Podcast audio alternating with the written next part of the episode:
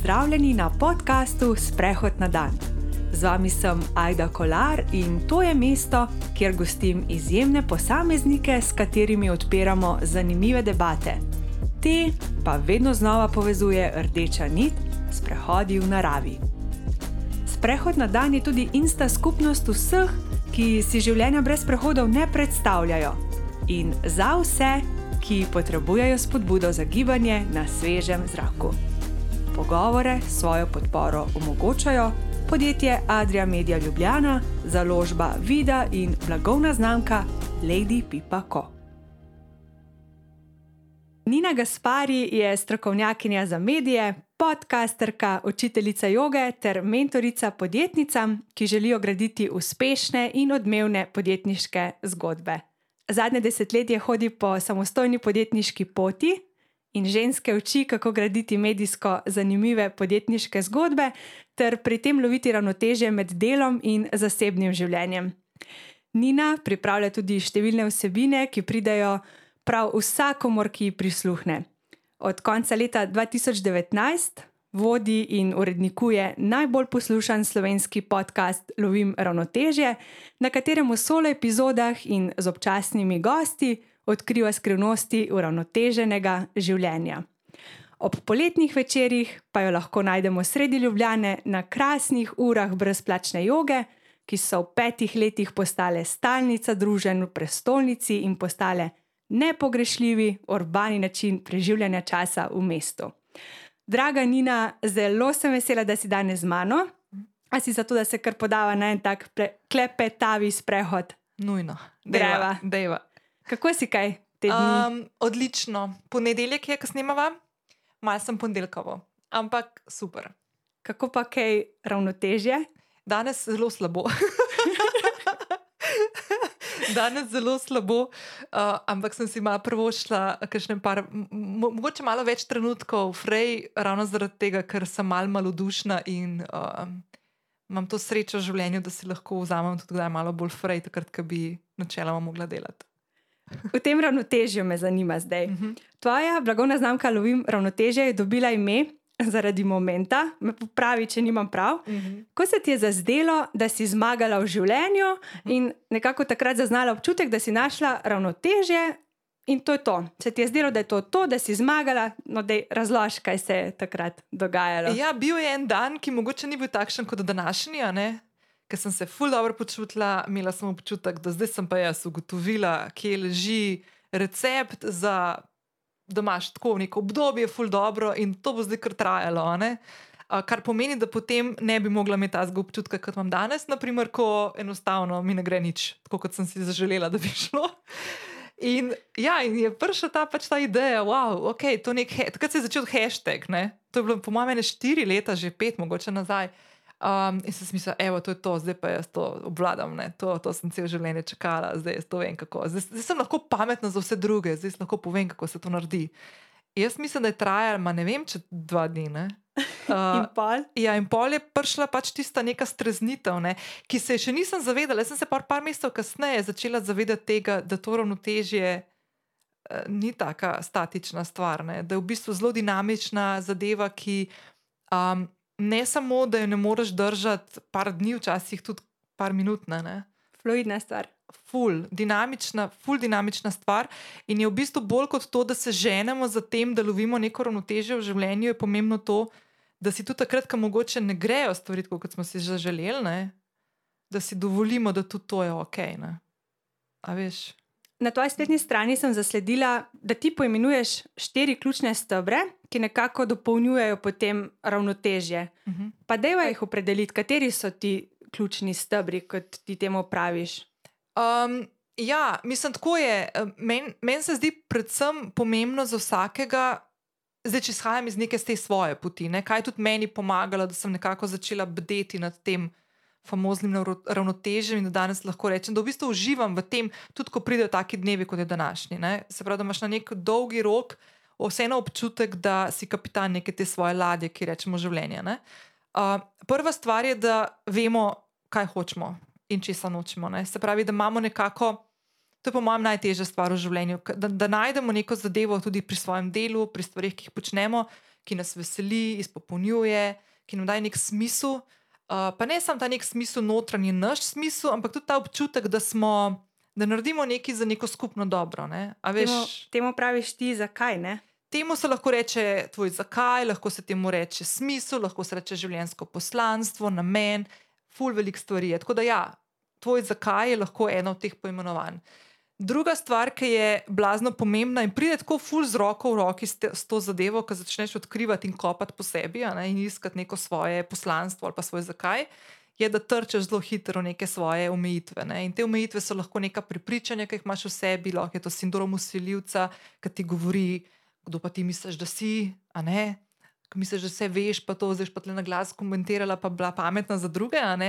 Ali pa gre to za neke stvari, neke strahove, ki jih imamo vsi, jo, kaj pa če mi bo spodletelo, kaj pa če ne bom dovolj uspešna. Ali pa, naprimer, če se podam na neko samostojno podjetniško pot, joj, pa, kako, kako si pa jaz to predstavljam, se ne bom mogla preživeti, se ne bom mogla plačati računa vsak mesec. Ne? To so take neke zelo, zelo, zelo generične, skupne stvari, ki nam vsem krožljajo možgane.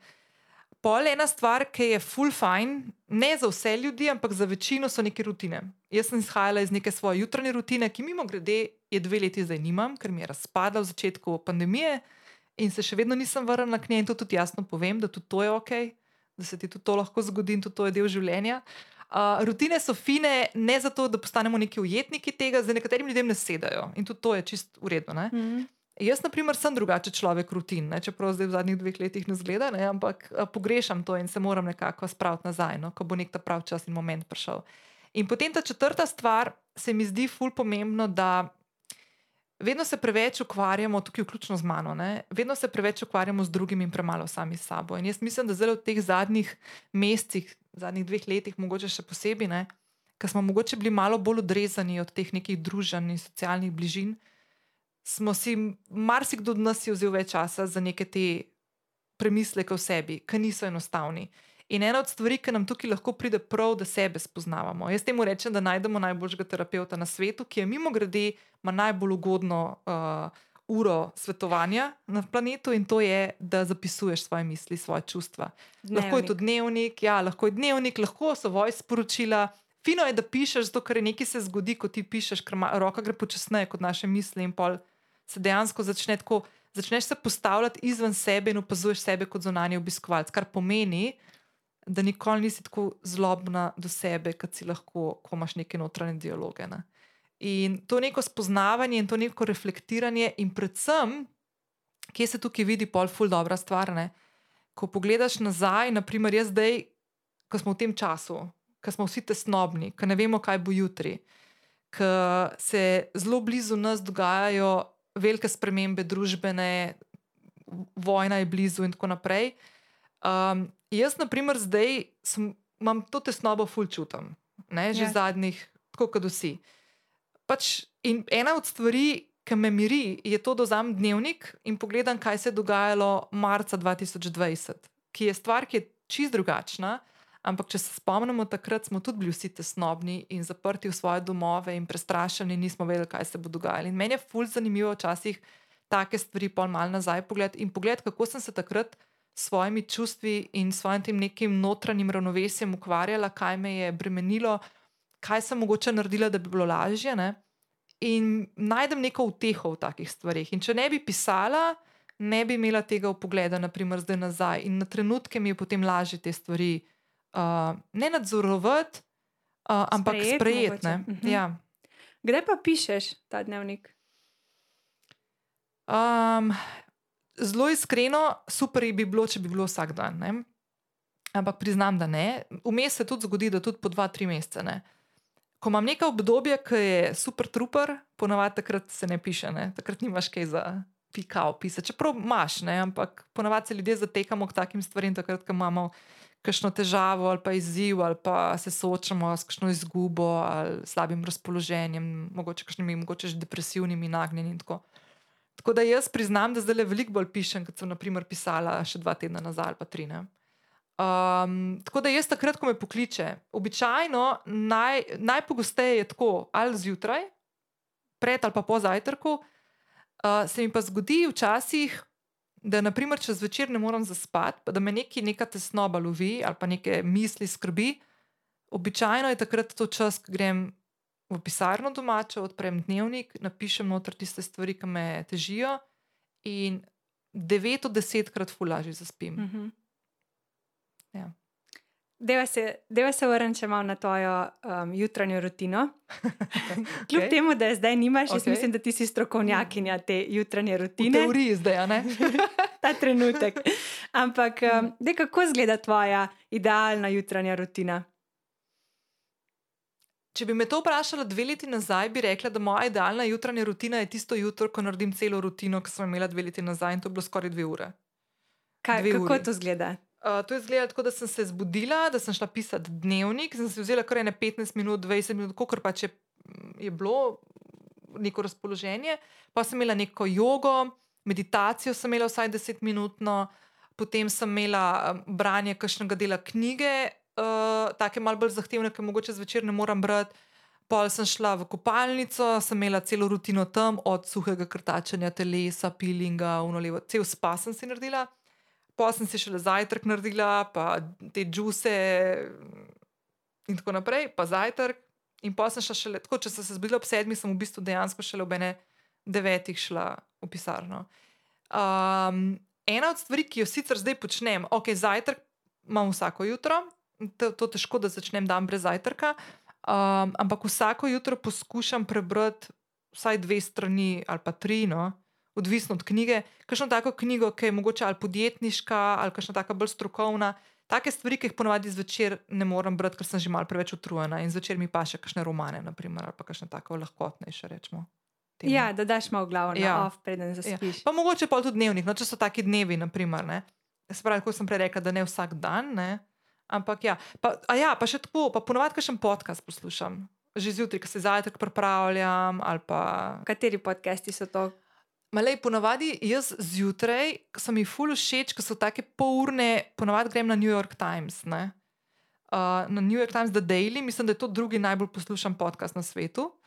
Uh, čeprav povem zdaj po pravici, da se ga malo izogibam, ker je veliko o teh aktualnih stvareh in se zdaj poskušam časovno neko om- omejitev dati temu, koliko koliko takih informacij na dan vzamem. No? Dajmo tako reči. Pa mogoče ne Doziraš. zjutraj. Ja, mogoče ne zjutraj, da mu mogoče rajš popoldan, da ni glih začetek dneva s temi strmi. ne. Tako da ja. Zanima me še nekaj pri tej tvoji rutini. Kako si sestaviš idealno jutranjo rutino? Za nekoga, ki je nikoli ni imel, oziroma sej vsi imamo neko rutino, verjetno Mhm. neke stvari počnemo zjutraj, vsako jutro na enak način ali pa ob isti uri. Ja. Ampak kako si se ti tega lotila? Mislim, začneš. Da, imamo že neke navade, ki si ti rekla, ki jih delamo čisto avtomatično, niti ne pomislimo na njih. Ne? In fino je, da delamo rutino z mislijo na to, da so to neke take stvari, ki lahko pridejo v navado. Se pravi, da jih rutinsko že praktično speljamo. Zdaj, stvari, ki jih sigurno naredi vsak od nas, naprimer se umije, si upere zobe, upere, ne vem, ženske si mogoče še naredimo še make-up ali pa kakorkoli, oblečemo in gremo v službo. Ne? Naprimer, zdaj, če hodimo že v službo. Ne? Jaz doma, od doma delam, sem doskrat tudi tako malo tudi v pižami kdaj. Ampak um, ja, to so lahko to ene pač take stvari, ki so že navada, tudi del lahko rutinno. Ne? Druga stvar je pa tako, da se vprašamo, kaj je tista stvar, ki me ful veseli. Kaj je tista zadeva, naprimer jaz, primer, jaz fura, da napišem svoje misli. Ne? Tako da jaz imam dnevnik že tako naštiman, da ga imam tako, da zjutraj, ko se zbudim, ko grem misli, tam, ko ponavadi, ponavadi si naredim tudi zajtrk, že vidim dnevnik, da me tam čaka s pisalom. In je pač to ful lažje pol vzeti v roko in začeti pisati. Mm. Mhm. Tako da, naprimer, meni to, da pišem ali pa da berem kakšne take stvari, je neka taka stvar, ki me ful spravi v pogon. Drugače pa tako lahko razdelimo. Naprimer, za neke, neke aktivnosti, ki so dobre za telo, lahko je neko gibanje, lahko je ne vem, nek kratek yoga flow, lahko je to samo nek pozdrav soncu, lahko je hit vadba, če nekomu to ustreza, meni naprimer ne. Ne. tek, jutranji Lahko tek, je jutranji tek, lahko je sprehod, lahko če imaš psa, speleš psa na sprehod, je lahko to del jutranje rutine. Uh, potem je lahko fajn nekaj za, za um narediti, ne? zato pravijo, da je meditacija super zjutraj. Ne? Da mogoče naredimo nekaj tako, da se povežemo sami s sabo, da stopimo v to polje, uh, da stvari začnemo v nekem svojem ritmu.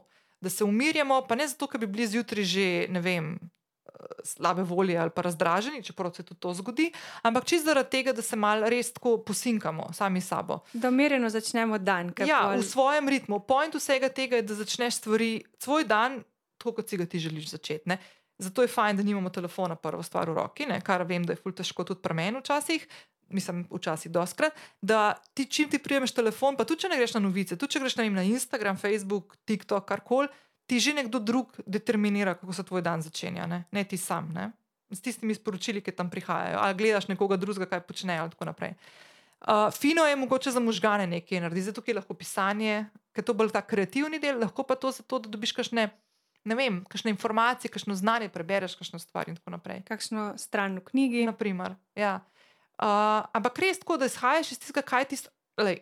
Lahko je kvačkanje, lahko je gobelin, lahko je boksanje, lahko je ne vem, pač karkoli tazga je tebi fino, ali pa si zajtrk narediš.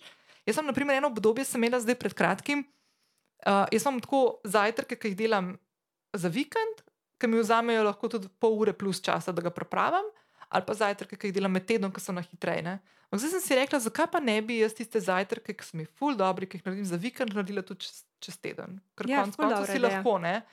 In zdaj delam tudi take zajtrke, malo daljše, in mi vzame res dolg čas, da si ga sestavim skupaj in naredim, in potem uživam v tem, kar si ga pripravim. Mi je to del neke meditacije, del nekega sproščanja, del nekega tega eh, stopanja v nek ritem, ki je samo moj za začetek dneva. Kako pa od tega, recimo od te jutranje rutine, pa tudi če zdaj nimaš teh jutranjih obveznosti, ki jih naredimo, kako tukaj dalje izgleda tvoj dan? Ma, vsak dan je tako drugačen, čeprav to mogoče zdaj zadnjih par tednov, ne? prej dve leti praktično je bilo tako zelo podobno. Pri meni sicer vsak dan ni enak drugemu, no, ker se kar malo tako naredim, da je razgibano, ampak jaz imam drugače tako precej monotono življenje. Ne? Jaz delam od doma že zadnjih 11 let. Ne? Tako da meni, naprimer, se ta situacija v zadnjih dveh letih ni neki bistveno spremenila. Tako da jaz ponavadi tam ob ene devetih grem v pisarno, pogledam maile, zaprem in potem se lotim, zaprem e-mail in potem se lotim tistih stvari, ki me pa čakajo na neki moji to-do listi, ki jo mimo grede naredim en dan prej. Tako da moja jutranja rutina se začne že prejšnji večer. Ne? No, to je nekaj, kar imamo skupno. Tudi jaz, Aha, no. delam, jaz, tudi jaz delujem na ta način. En dan Aha. Prej si naredim listo vseh obveznosti, Ja. in potem naslednji dan začnem, klukam, ja. da vidim čez dan, kje sem. Ja. In pa kaj narediš s tistimi obveznostmi, ki jih nisi uspela, recimo, narediti v dnevu. Grejo naslednji dan ali pa takrat, ko je naslednjo luknjo v koledarju. Pa še to eno, eno stvar, ki se, ki se jo ful probam zdaj, pa mi je to ful dobro šlo zdaj med, med pandemijo, m, da sem bila lahko mal bolj dosledna pri tem, da sem si postavila koledar res, kot sem ga jaz hotla. Ne? Ker ni bilo toliko teh sestankov, razen teh zumov pa tega. Pravi, ta čas, ko greš na sestanek, pa iz sestanka vožnje in to je odpadlo, se pravi, da je bilo več časa na voljo. Jaz sem v bistvu svoj koledar se res prilagajala svojemu ritmu. Ne?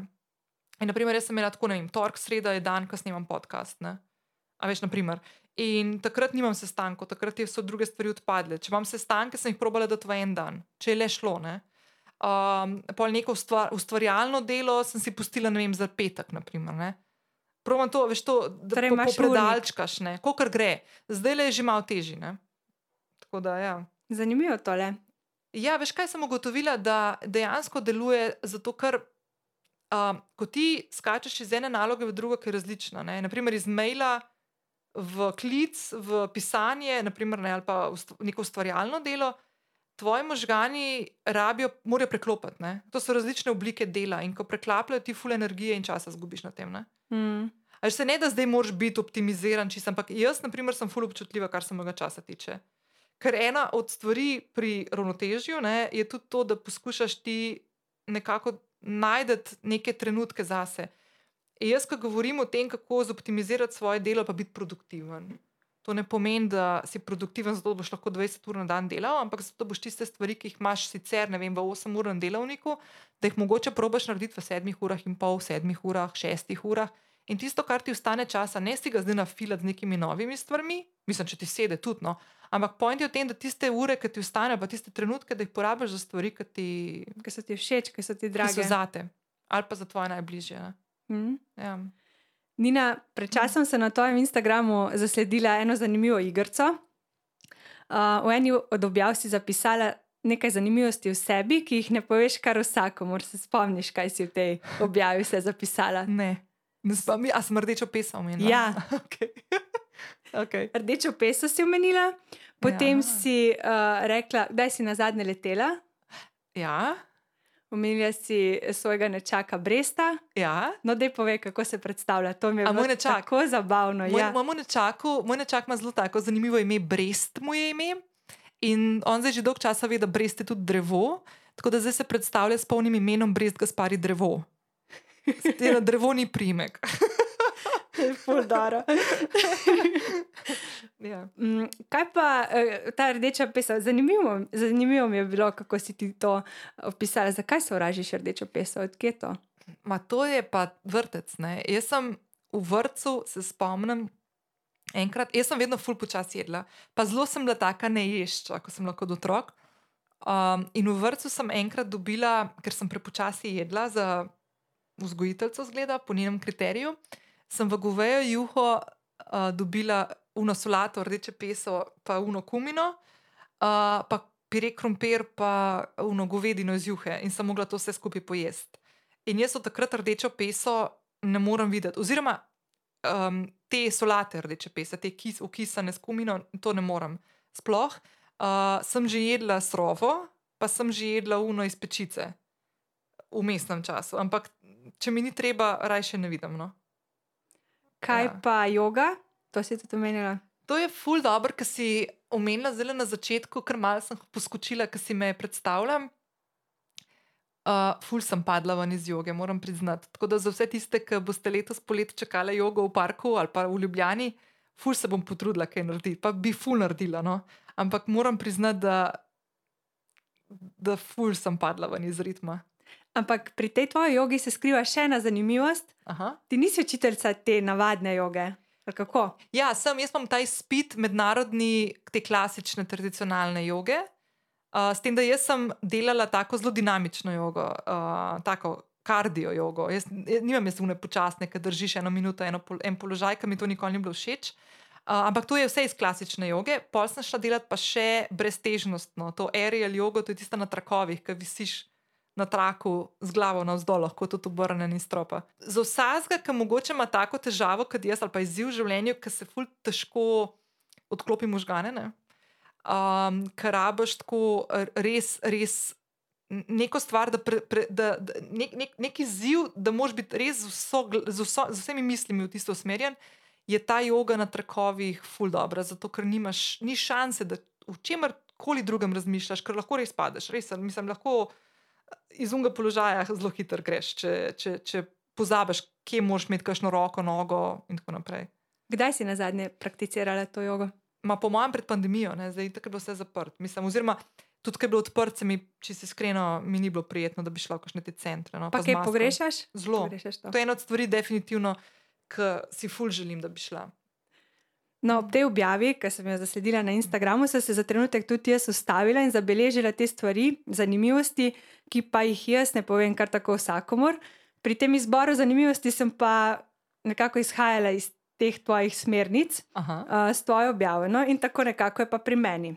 Jaz, za razliko od tebe, obožujem rdečo peso.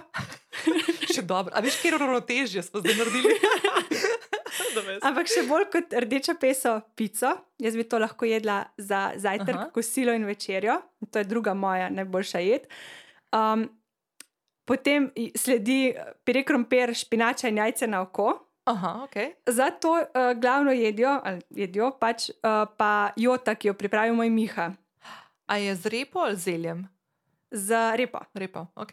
Imaš rada? Ja, ful.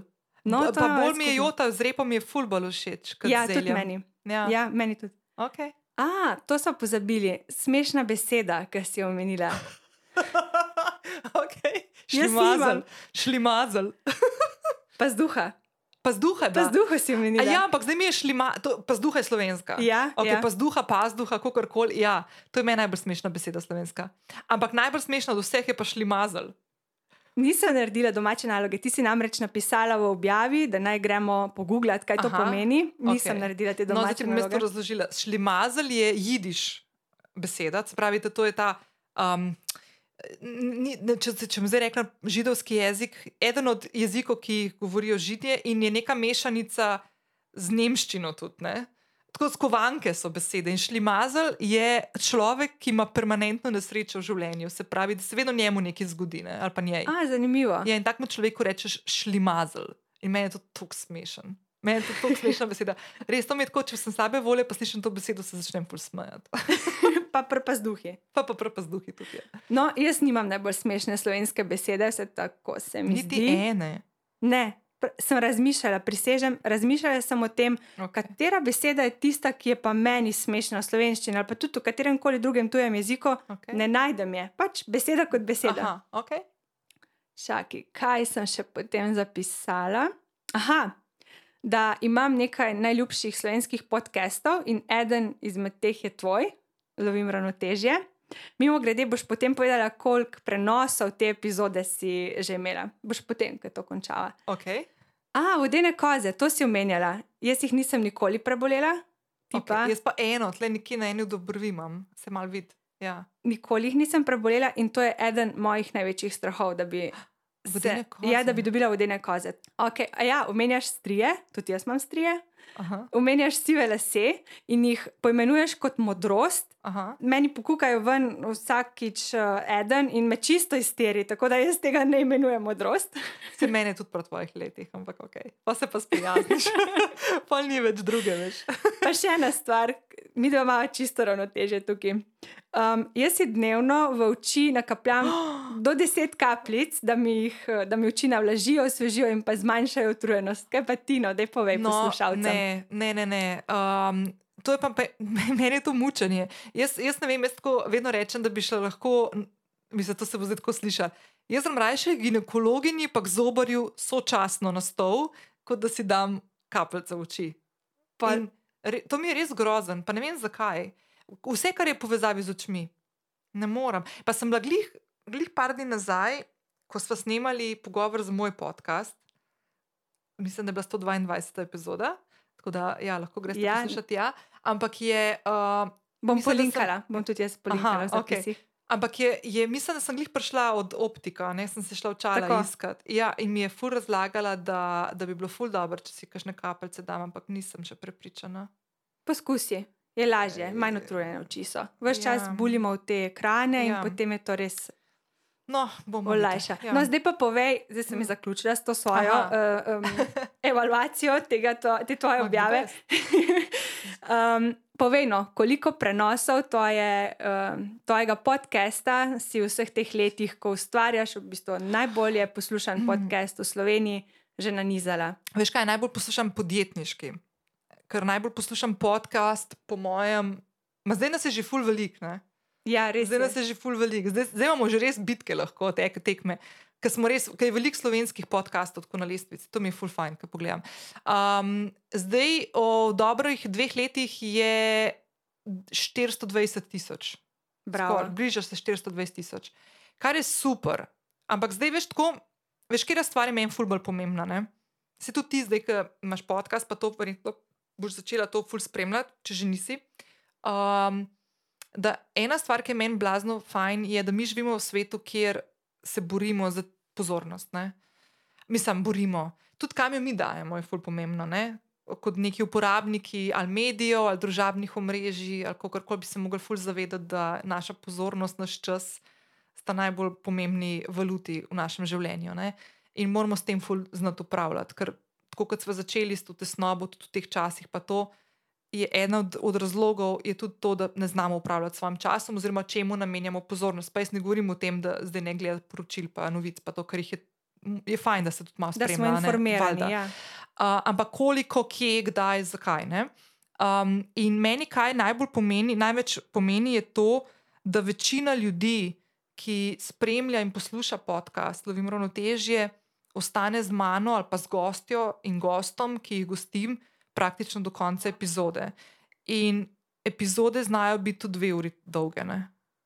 Uh, in meni, na primer, to, da nekdo v, v dobi, ki živimo, ki so um, 15-sekundni intervali pozornosti, ki smo jim sposobni nameniti, pa že to je v bistvu veliko, ne, um, je meni to daleč največje priznanje. Tako da uh, bolj kot same številke, končno. No.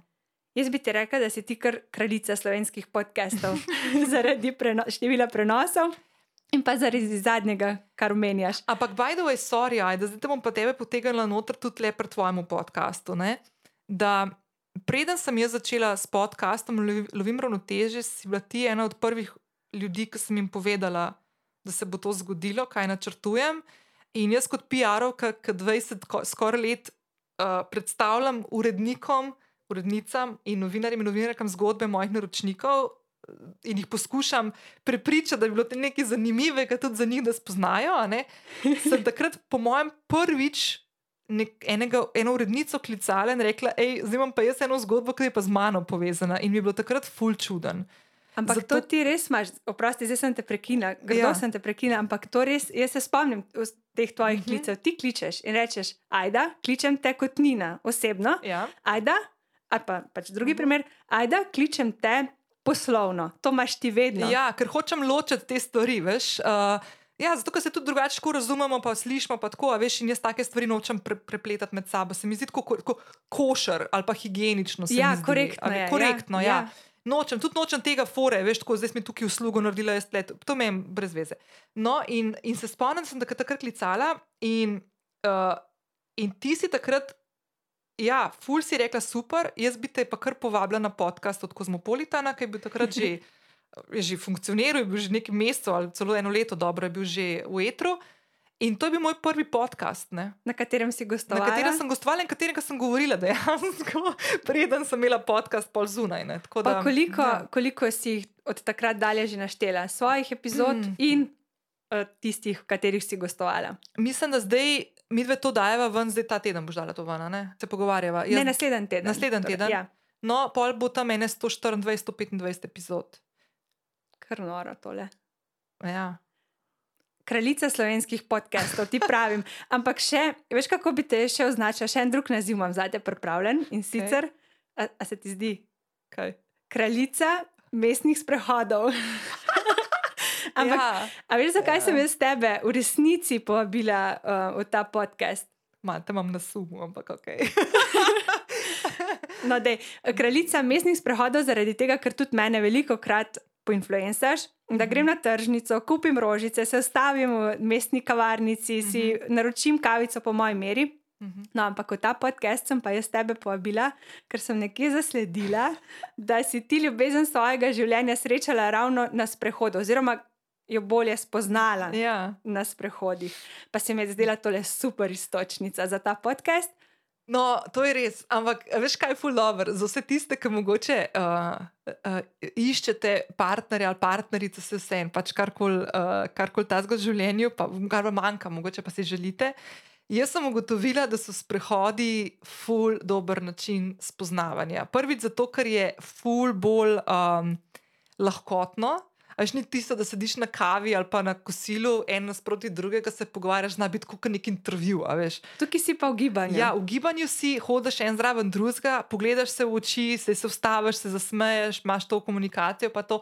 Ampak načeloma je tako ful bolj. Um, Ful imaš več prostora, zato da si lahko ti, ne? da, da ni tistega nekega, zdaj pa moram učarati nekoga ali pa neki neki. Ne? In je res, jaz sem, uh, ja, lahko rečem, ljubezen mojega življenja spoznala v času karanten, kršila sva malo vsa ta pravila, ki jih noben ni več tekel na koncu, ampak klinca ne, in sva hodila na sprehode na razdalje sicer. in sva tako ene dobre pol leta se dobivala vsak teden na izredno dolgih sprehodih po Ljubljani. In se spoznala toliko, da potem, ko sva se končno našla tudi drugačne, uh, da, da smo imeli občutek, da se res dobro poznava. Tako da ja, zelo priporočam. Jaz imam v tem podkastu, tako sem uh -huh. si Mhm. zadala, da imam vedno eno in isto vprašanje in sicer, kakšen sprehod, kateri sprehod predlagaš, uh, priporočaš na meni in mojim poslušalcem. In mene tukaj zanima, imaš ti kakšen sprehod, ki bi ga priporočila, kam ne gremo? Ali lahko Pa- štiri dam?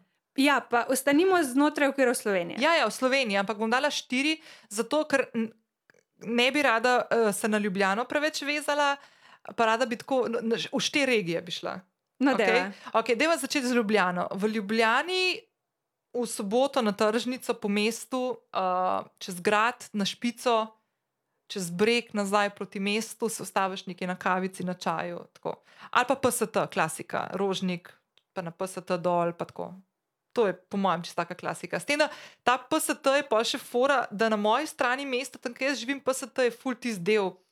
Prav po spominu tovarištva. Je tisti del, ki je najbolj tak riva, ne? je ful zaseden, tam se vsi vedno pokažejo, tam koseški bajer.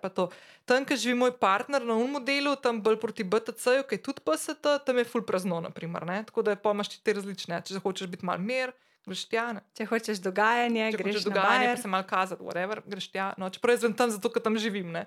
Ok, to je Ljubljana, naprimer. Um, potem bi šla na Dolensko. Kam točno? Uh, tam, čist ob novem mestu, se parkira, to so še tudi mi, med drugim, sva tudi tja šla enkrat na sprehod, ko so se občine takrat odprle, ta prvič lansko leto.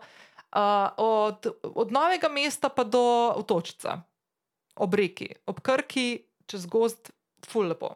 Instagram mobilno. Tudi, ampak no, ni, ni bilo časa za Instagram. no, naprimer, tam je ful dobro. Pol na obali je moja klasična, zato ker sem živela v Luciji dolg časa in potem sem hodila v Piranu šolo, v gimnazijo, je Lucija Piran. Klasika. Pa lahko pol tudi čez, gor na grad, ne na grad, na obzidje piransko, pa na crkvu, pa tako, da best, ful dobro. Um, pa potem še ena ful klasična sicer, ampak okrog Blejskega jezera. Ja, Tam je taka ful lepa, ker glih tako kaj, ena dobra ura, 15 minut, ful lepa pot, mogoče Lepo. fajn, ne med vikendom. Hvala, mi grede uh -huh. za mhm. vse te štiri predloge. Me pa zanima, kako so videti tvoji solo sprehodi. Ali poslušaš podcaste, ali imaš raje tišino, predvsem kdaj se odpraviš sama na sprehod. Ja, veš, kako jaz naredim? Jaz poskušam, malo sem padla na to foro 10.000 korakov. -huh. um, ki jih kao fajn narediti na vsak dan, oziroma več, ki jih narediš boljše. Uh, jaz, na primer, zdaj, ko so taki lepi dnevi, pa to praktično vedno v mesto pridem peš. Jaz, nekje, jaz imam nekje 3, 3 km do centra in grem peške lepo tam v obrožniku in mi je full fajn. In pa nazaj imam skoraj pač tam res 10.000 korakov. Naprimer. Drugače pa, če nimam nekih takih sestankov, pa to, običajno grem jaz po kosilu, ki si ga naredim doma, se preoblečem, grem na sprehod, čisto odvisno, uh, lahko grem malce čez rožnik, tam kakšno urco, urco pa pol, včasih dve, koliko imam pa čas, pa koliko mi urnik to dopušča. In običajno poslušam podkaste, tako priznam. No? In to ponovadi tiste podkaste, ki znajo biti tudi dve uri dolgi. No? Takrat ponovadi jih to pol na sprehodih poslušam. Kateri so to? Mm, ma, od slovenskih mi je ideja od Klemna Fulušeč. Uh, potem, um, kaj mi je že? Zdaj, fura, da poslušam Rožnata dolina, od, mislim, da Val 202 izhaja, izdaja um, pol, naprimer. Od tujih mi je pa daleč najboljši Armchair Expert, ki je na Spotifyju ekskluzivno, pa kašna Brené Brown. Pa sem veš, kaj, so, veš, kaj poslušam, fura, da krimiče. True crime stories. Na podcastih. Ja, to mi je fajn. Ali pa obstaja en podcast, ki ima tak gossip je pa Even the Rich. Ne vem, če poznaš. Ne, ne, ne poznaš. Poznam. Even the Rich je tako, ful smešen, kam je tako, ne vem, pa ima pa tako, ne vem, Janet Jackson v štirih delih, ali pa Mariah Carey v štirih delih, ali pa ne vem, Kim Kardashian, pa tam razlaga. Mislim, tako, tak, tako mal, ampak ponavadi se ne spomnim tistih podkastov, pa veš, to mi je tako malo lobotomija. Da nekaj poslušaš. Veš kaj, tako, ful se, vsake tolk se probam zadržati, pa, pa ne poslušati noč, pa se prepustiti naravi, ampak jaz ful rada podkaste poslušam in mi to take trenutki, ko grem na sprehod sama, naprimer, mi je dobes, da podcast poslušam. Torej, ni tišine pri tebi na sprehodih. Redko. Namreč sem ravno minuli vikend prebirala knjigo Tišina, avtorja Erlinga Kageja, ki jo imamo na mizi. In um, išla je v založbi Vida um, leta 2019. In veš, kaj mi je zanimivo pri tej knjigi? Na naslovnico je avtor napisal tri vprašanja in sicer, kaj je tišina, kje je in zakaj je dan danes pomembnejša kot kdajkoli prej kako bi ti odgovorila na ta tri vprašanja, pa pri tem upoštevaj, da, se, da izhajaš iz sebe. Uh mhm. -huh. Kaj je tišina? Ja. Um, a veš, to je zdaj fulj zanimivo, ker jaz, ko zdaj gledam, kaj je tišina, meni tišina danes ne predstavlja iste stvari, kot bi rekla, ne vem, eno leto nazaj. Eno leto nazaj bi ti rekla, da imam ogromno tišine v življenju uh, ker je bilo neko obdobje, ko smo bili veliko sami, pa jaz sama živim, naprimer, ne, nimam otrok, uh, delam od doma in je bilo res veliko te tišine. Ne. Zdaj sem skoraj dobro leto v neki partnerski vezi in meni tišina predstavlja druge stvari. Zdaj, naprimer, meni tišina je takrat, ko se mi dva fusmejo. Mislim, je občutek te tišine, a veš te tišine, kaj tišina da. mi da tudi trenutki, ko naprimer leživa na kavču in se, in se reživa, ne vem, kot Wordle delava, pa, pa zadaneva besedo, pa se začnejo fulrežati zraven. naprimer. Um, tako da jaz se tukaj najdem tudi. No. Meni ta, ti- ta, ta najna bližina mi predstavlja tudi to, kar ti tišina lahko da. Uh -huh. Uh, zakaj je pa pomembna? Uh, jaz bi mogoče rekla tako, veš. Jaz bi vsakemu človeku, tako kot smo začeli na začetku, ko sem govorila o tem, kako pomembno je, da sam sebe spoznaš. A veš, skozi pisanje dnevnika, skozi neke te samorefleksije, um, skozi spoznavanje svojih mej, uh, česa si želiš, česa si ne želiš, pa to. Uh, da postaviš nek tak močen, stabilen temelj, kdo ti si. Ne? Potem um, je ful. Uh, mislim, to, to je neka taka stvar, ki bi jo jaz vsakmu človeku predpisala, tako čistko, kot zdravilo. Da bi mogel enkrat v življenju to do, m, probat, zato da dejansko znaš funkcionirati v svetu kot e- svoj edinstven umnikum, ne? in potem lahko zraven propelaš en kup enih drugih ljudi, ki te samo še krepijo. Ampak da Mhm. znaš sam stati v svetu. Ne?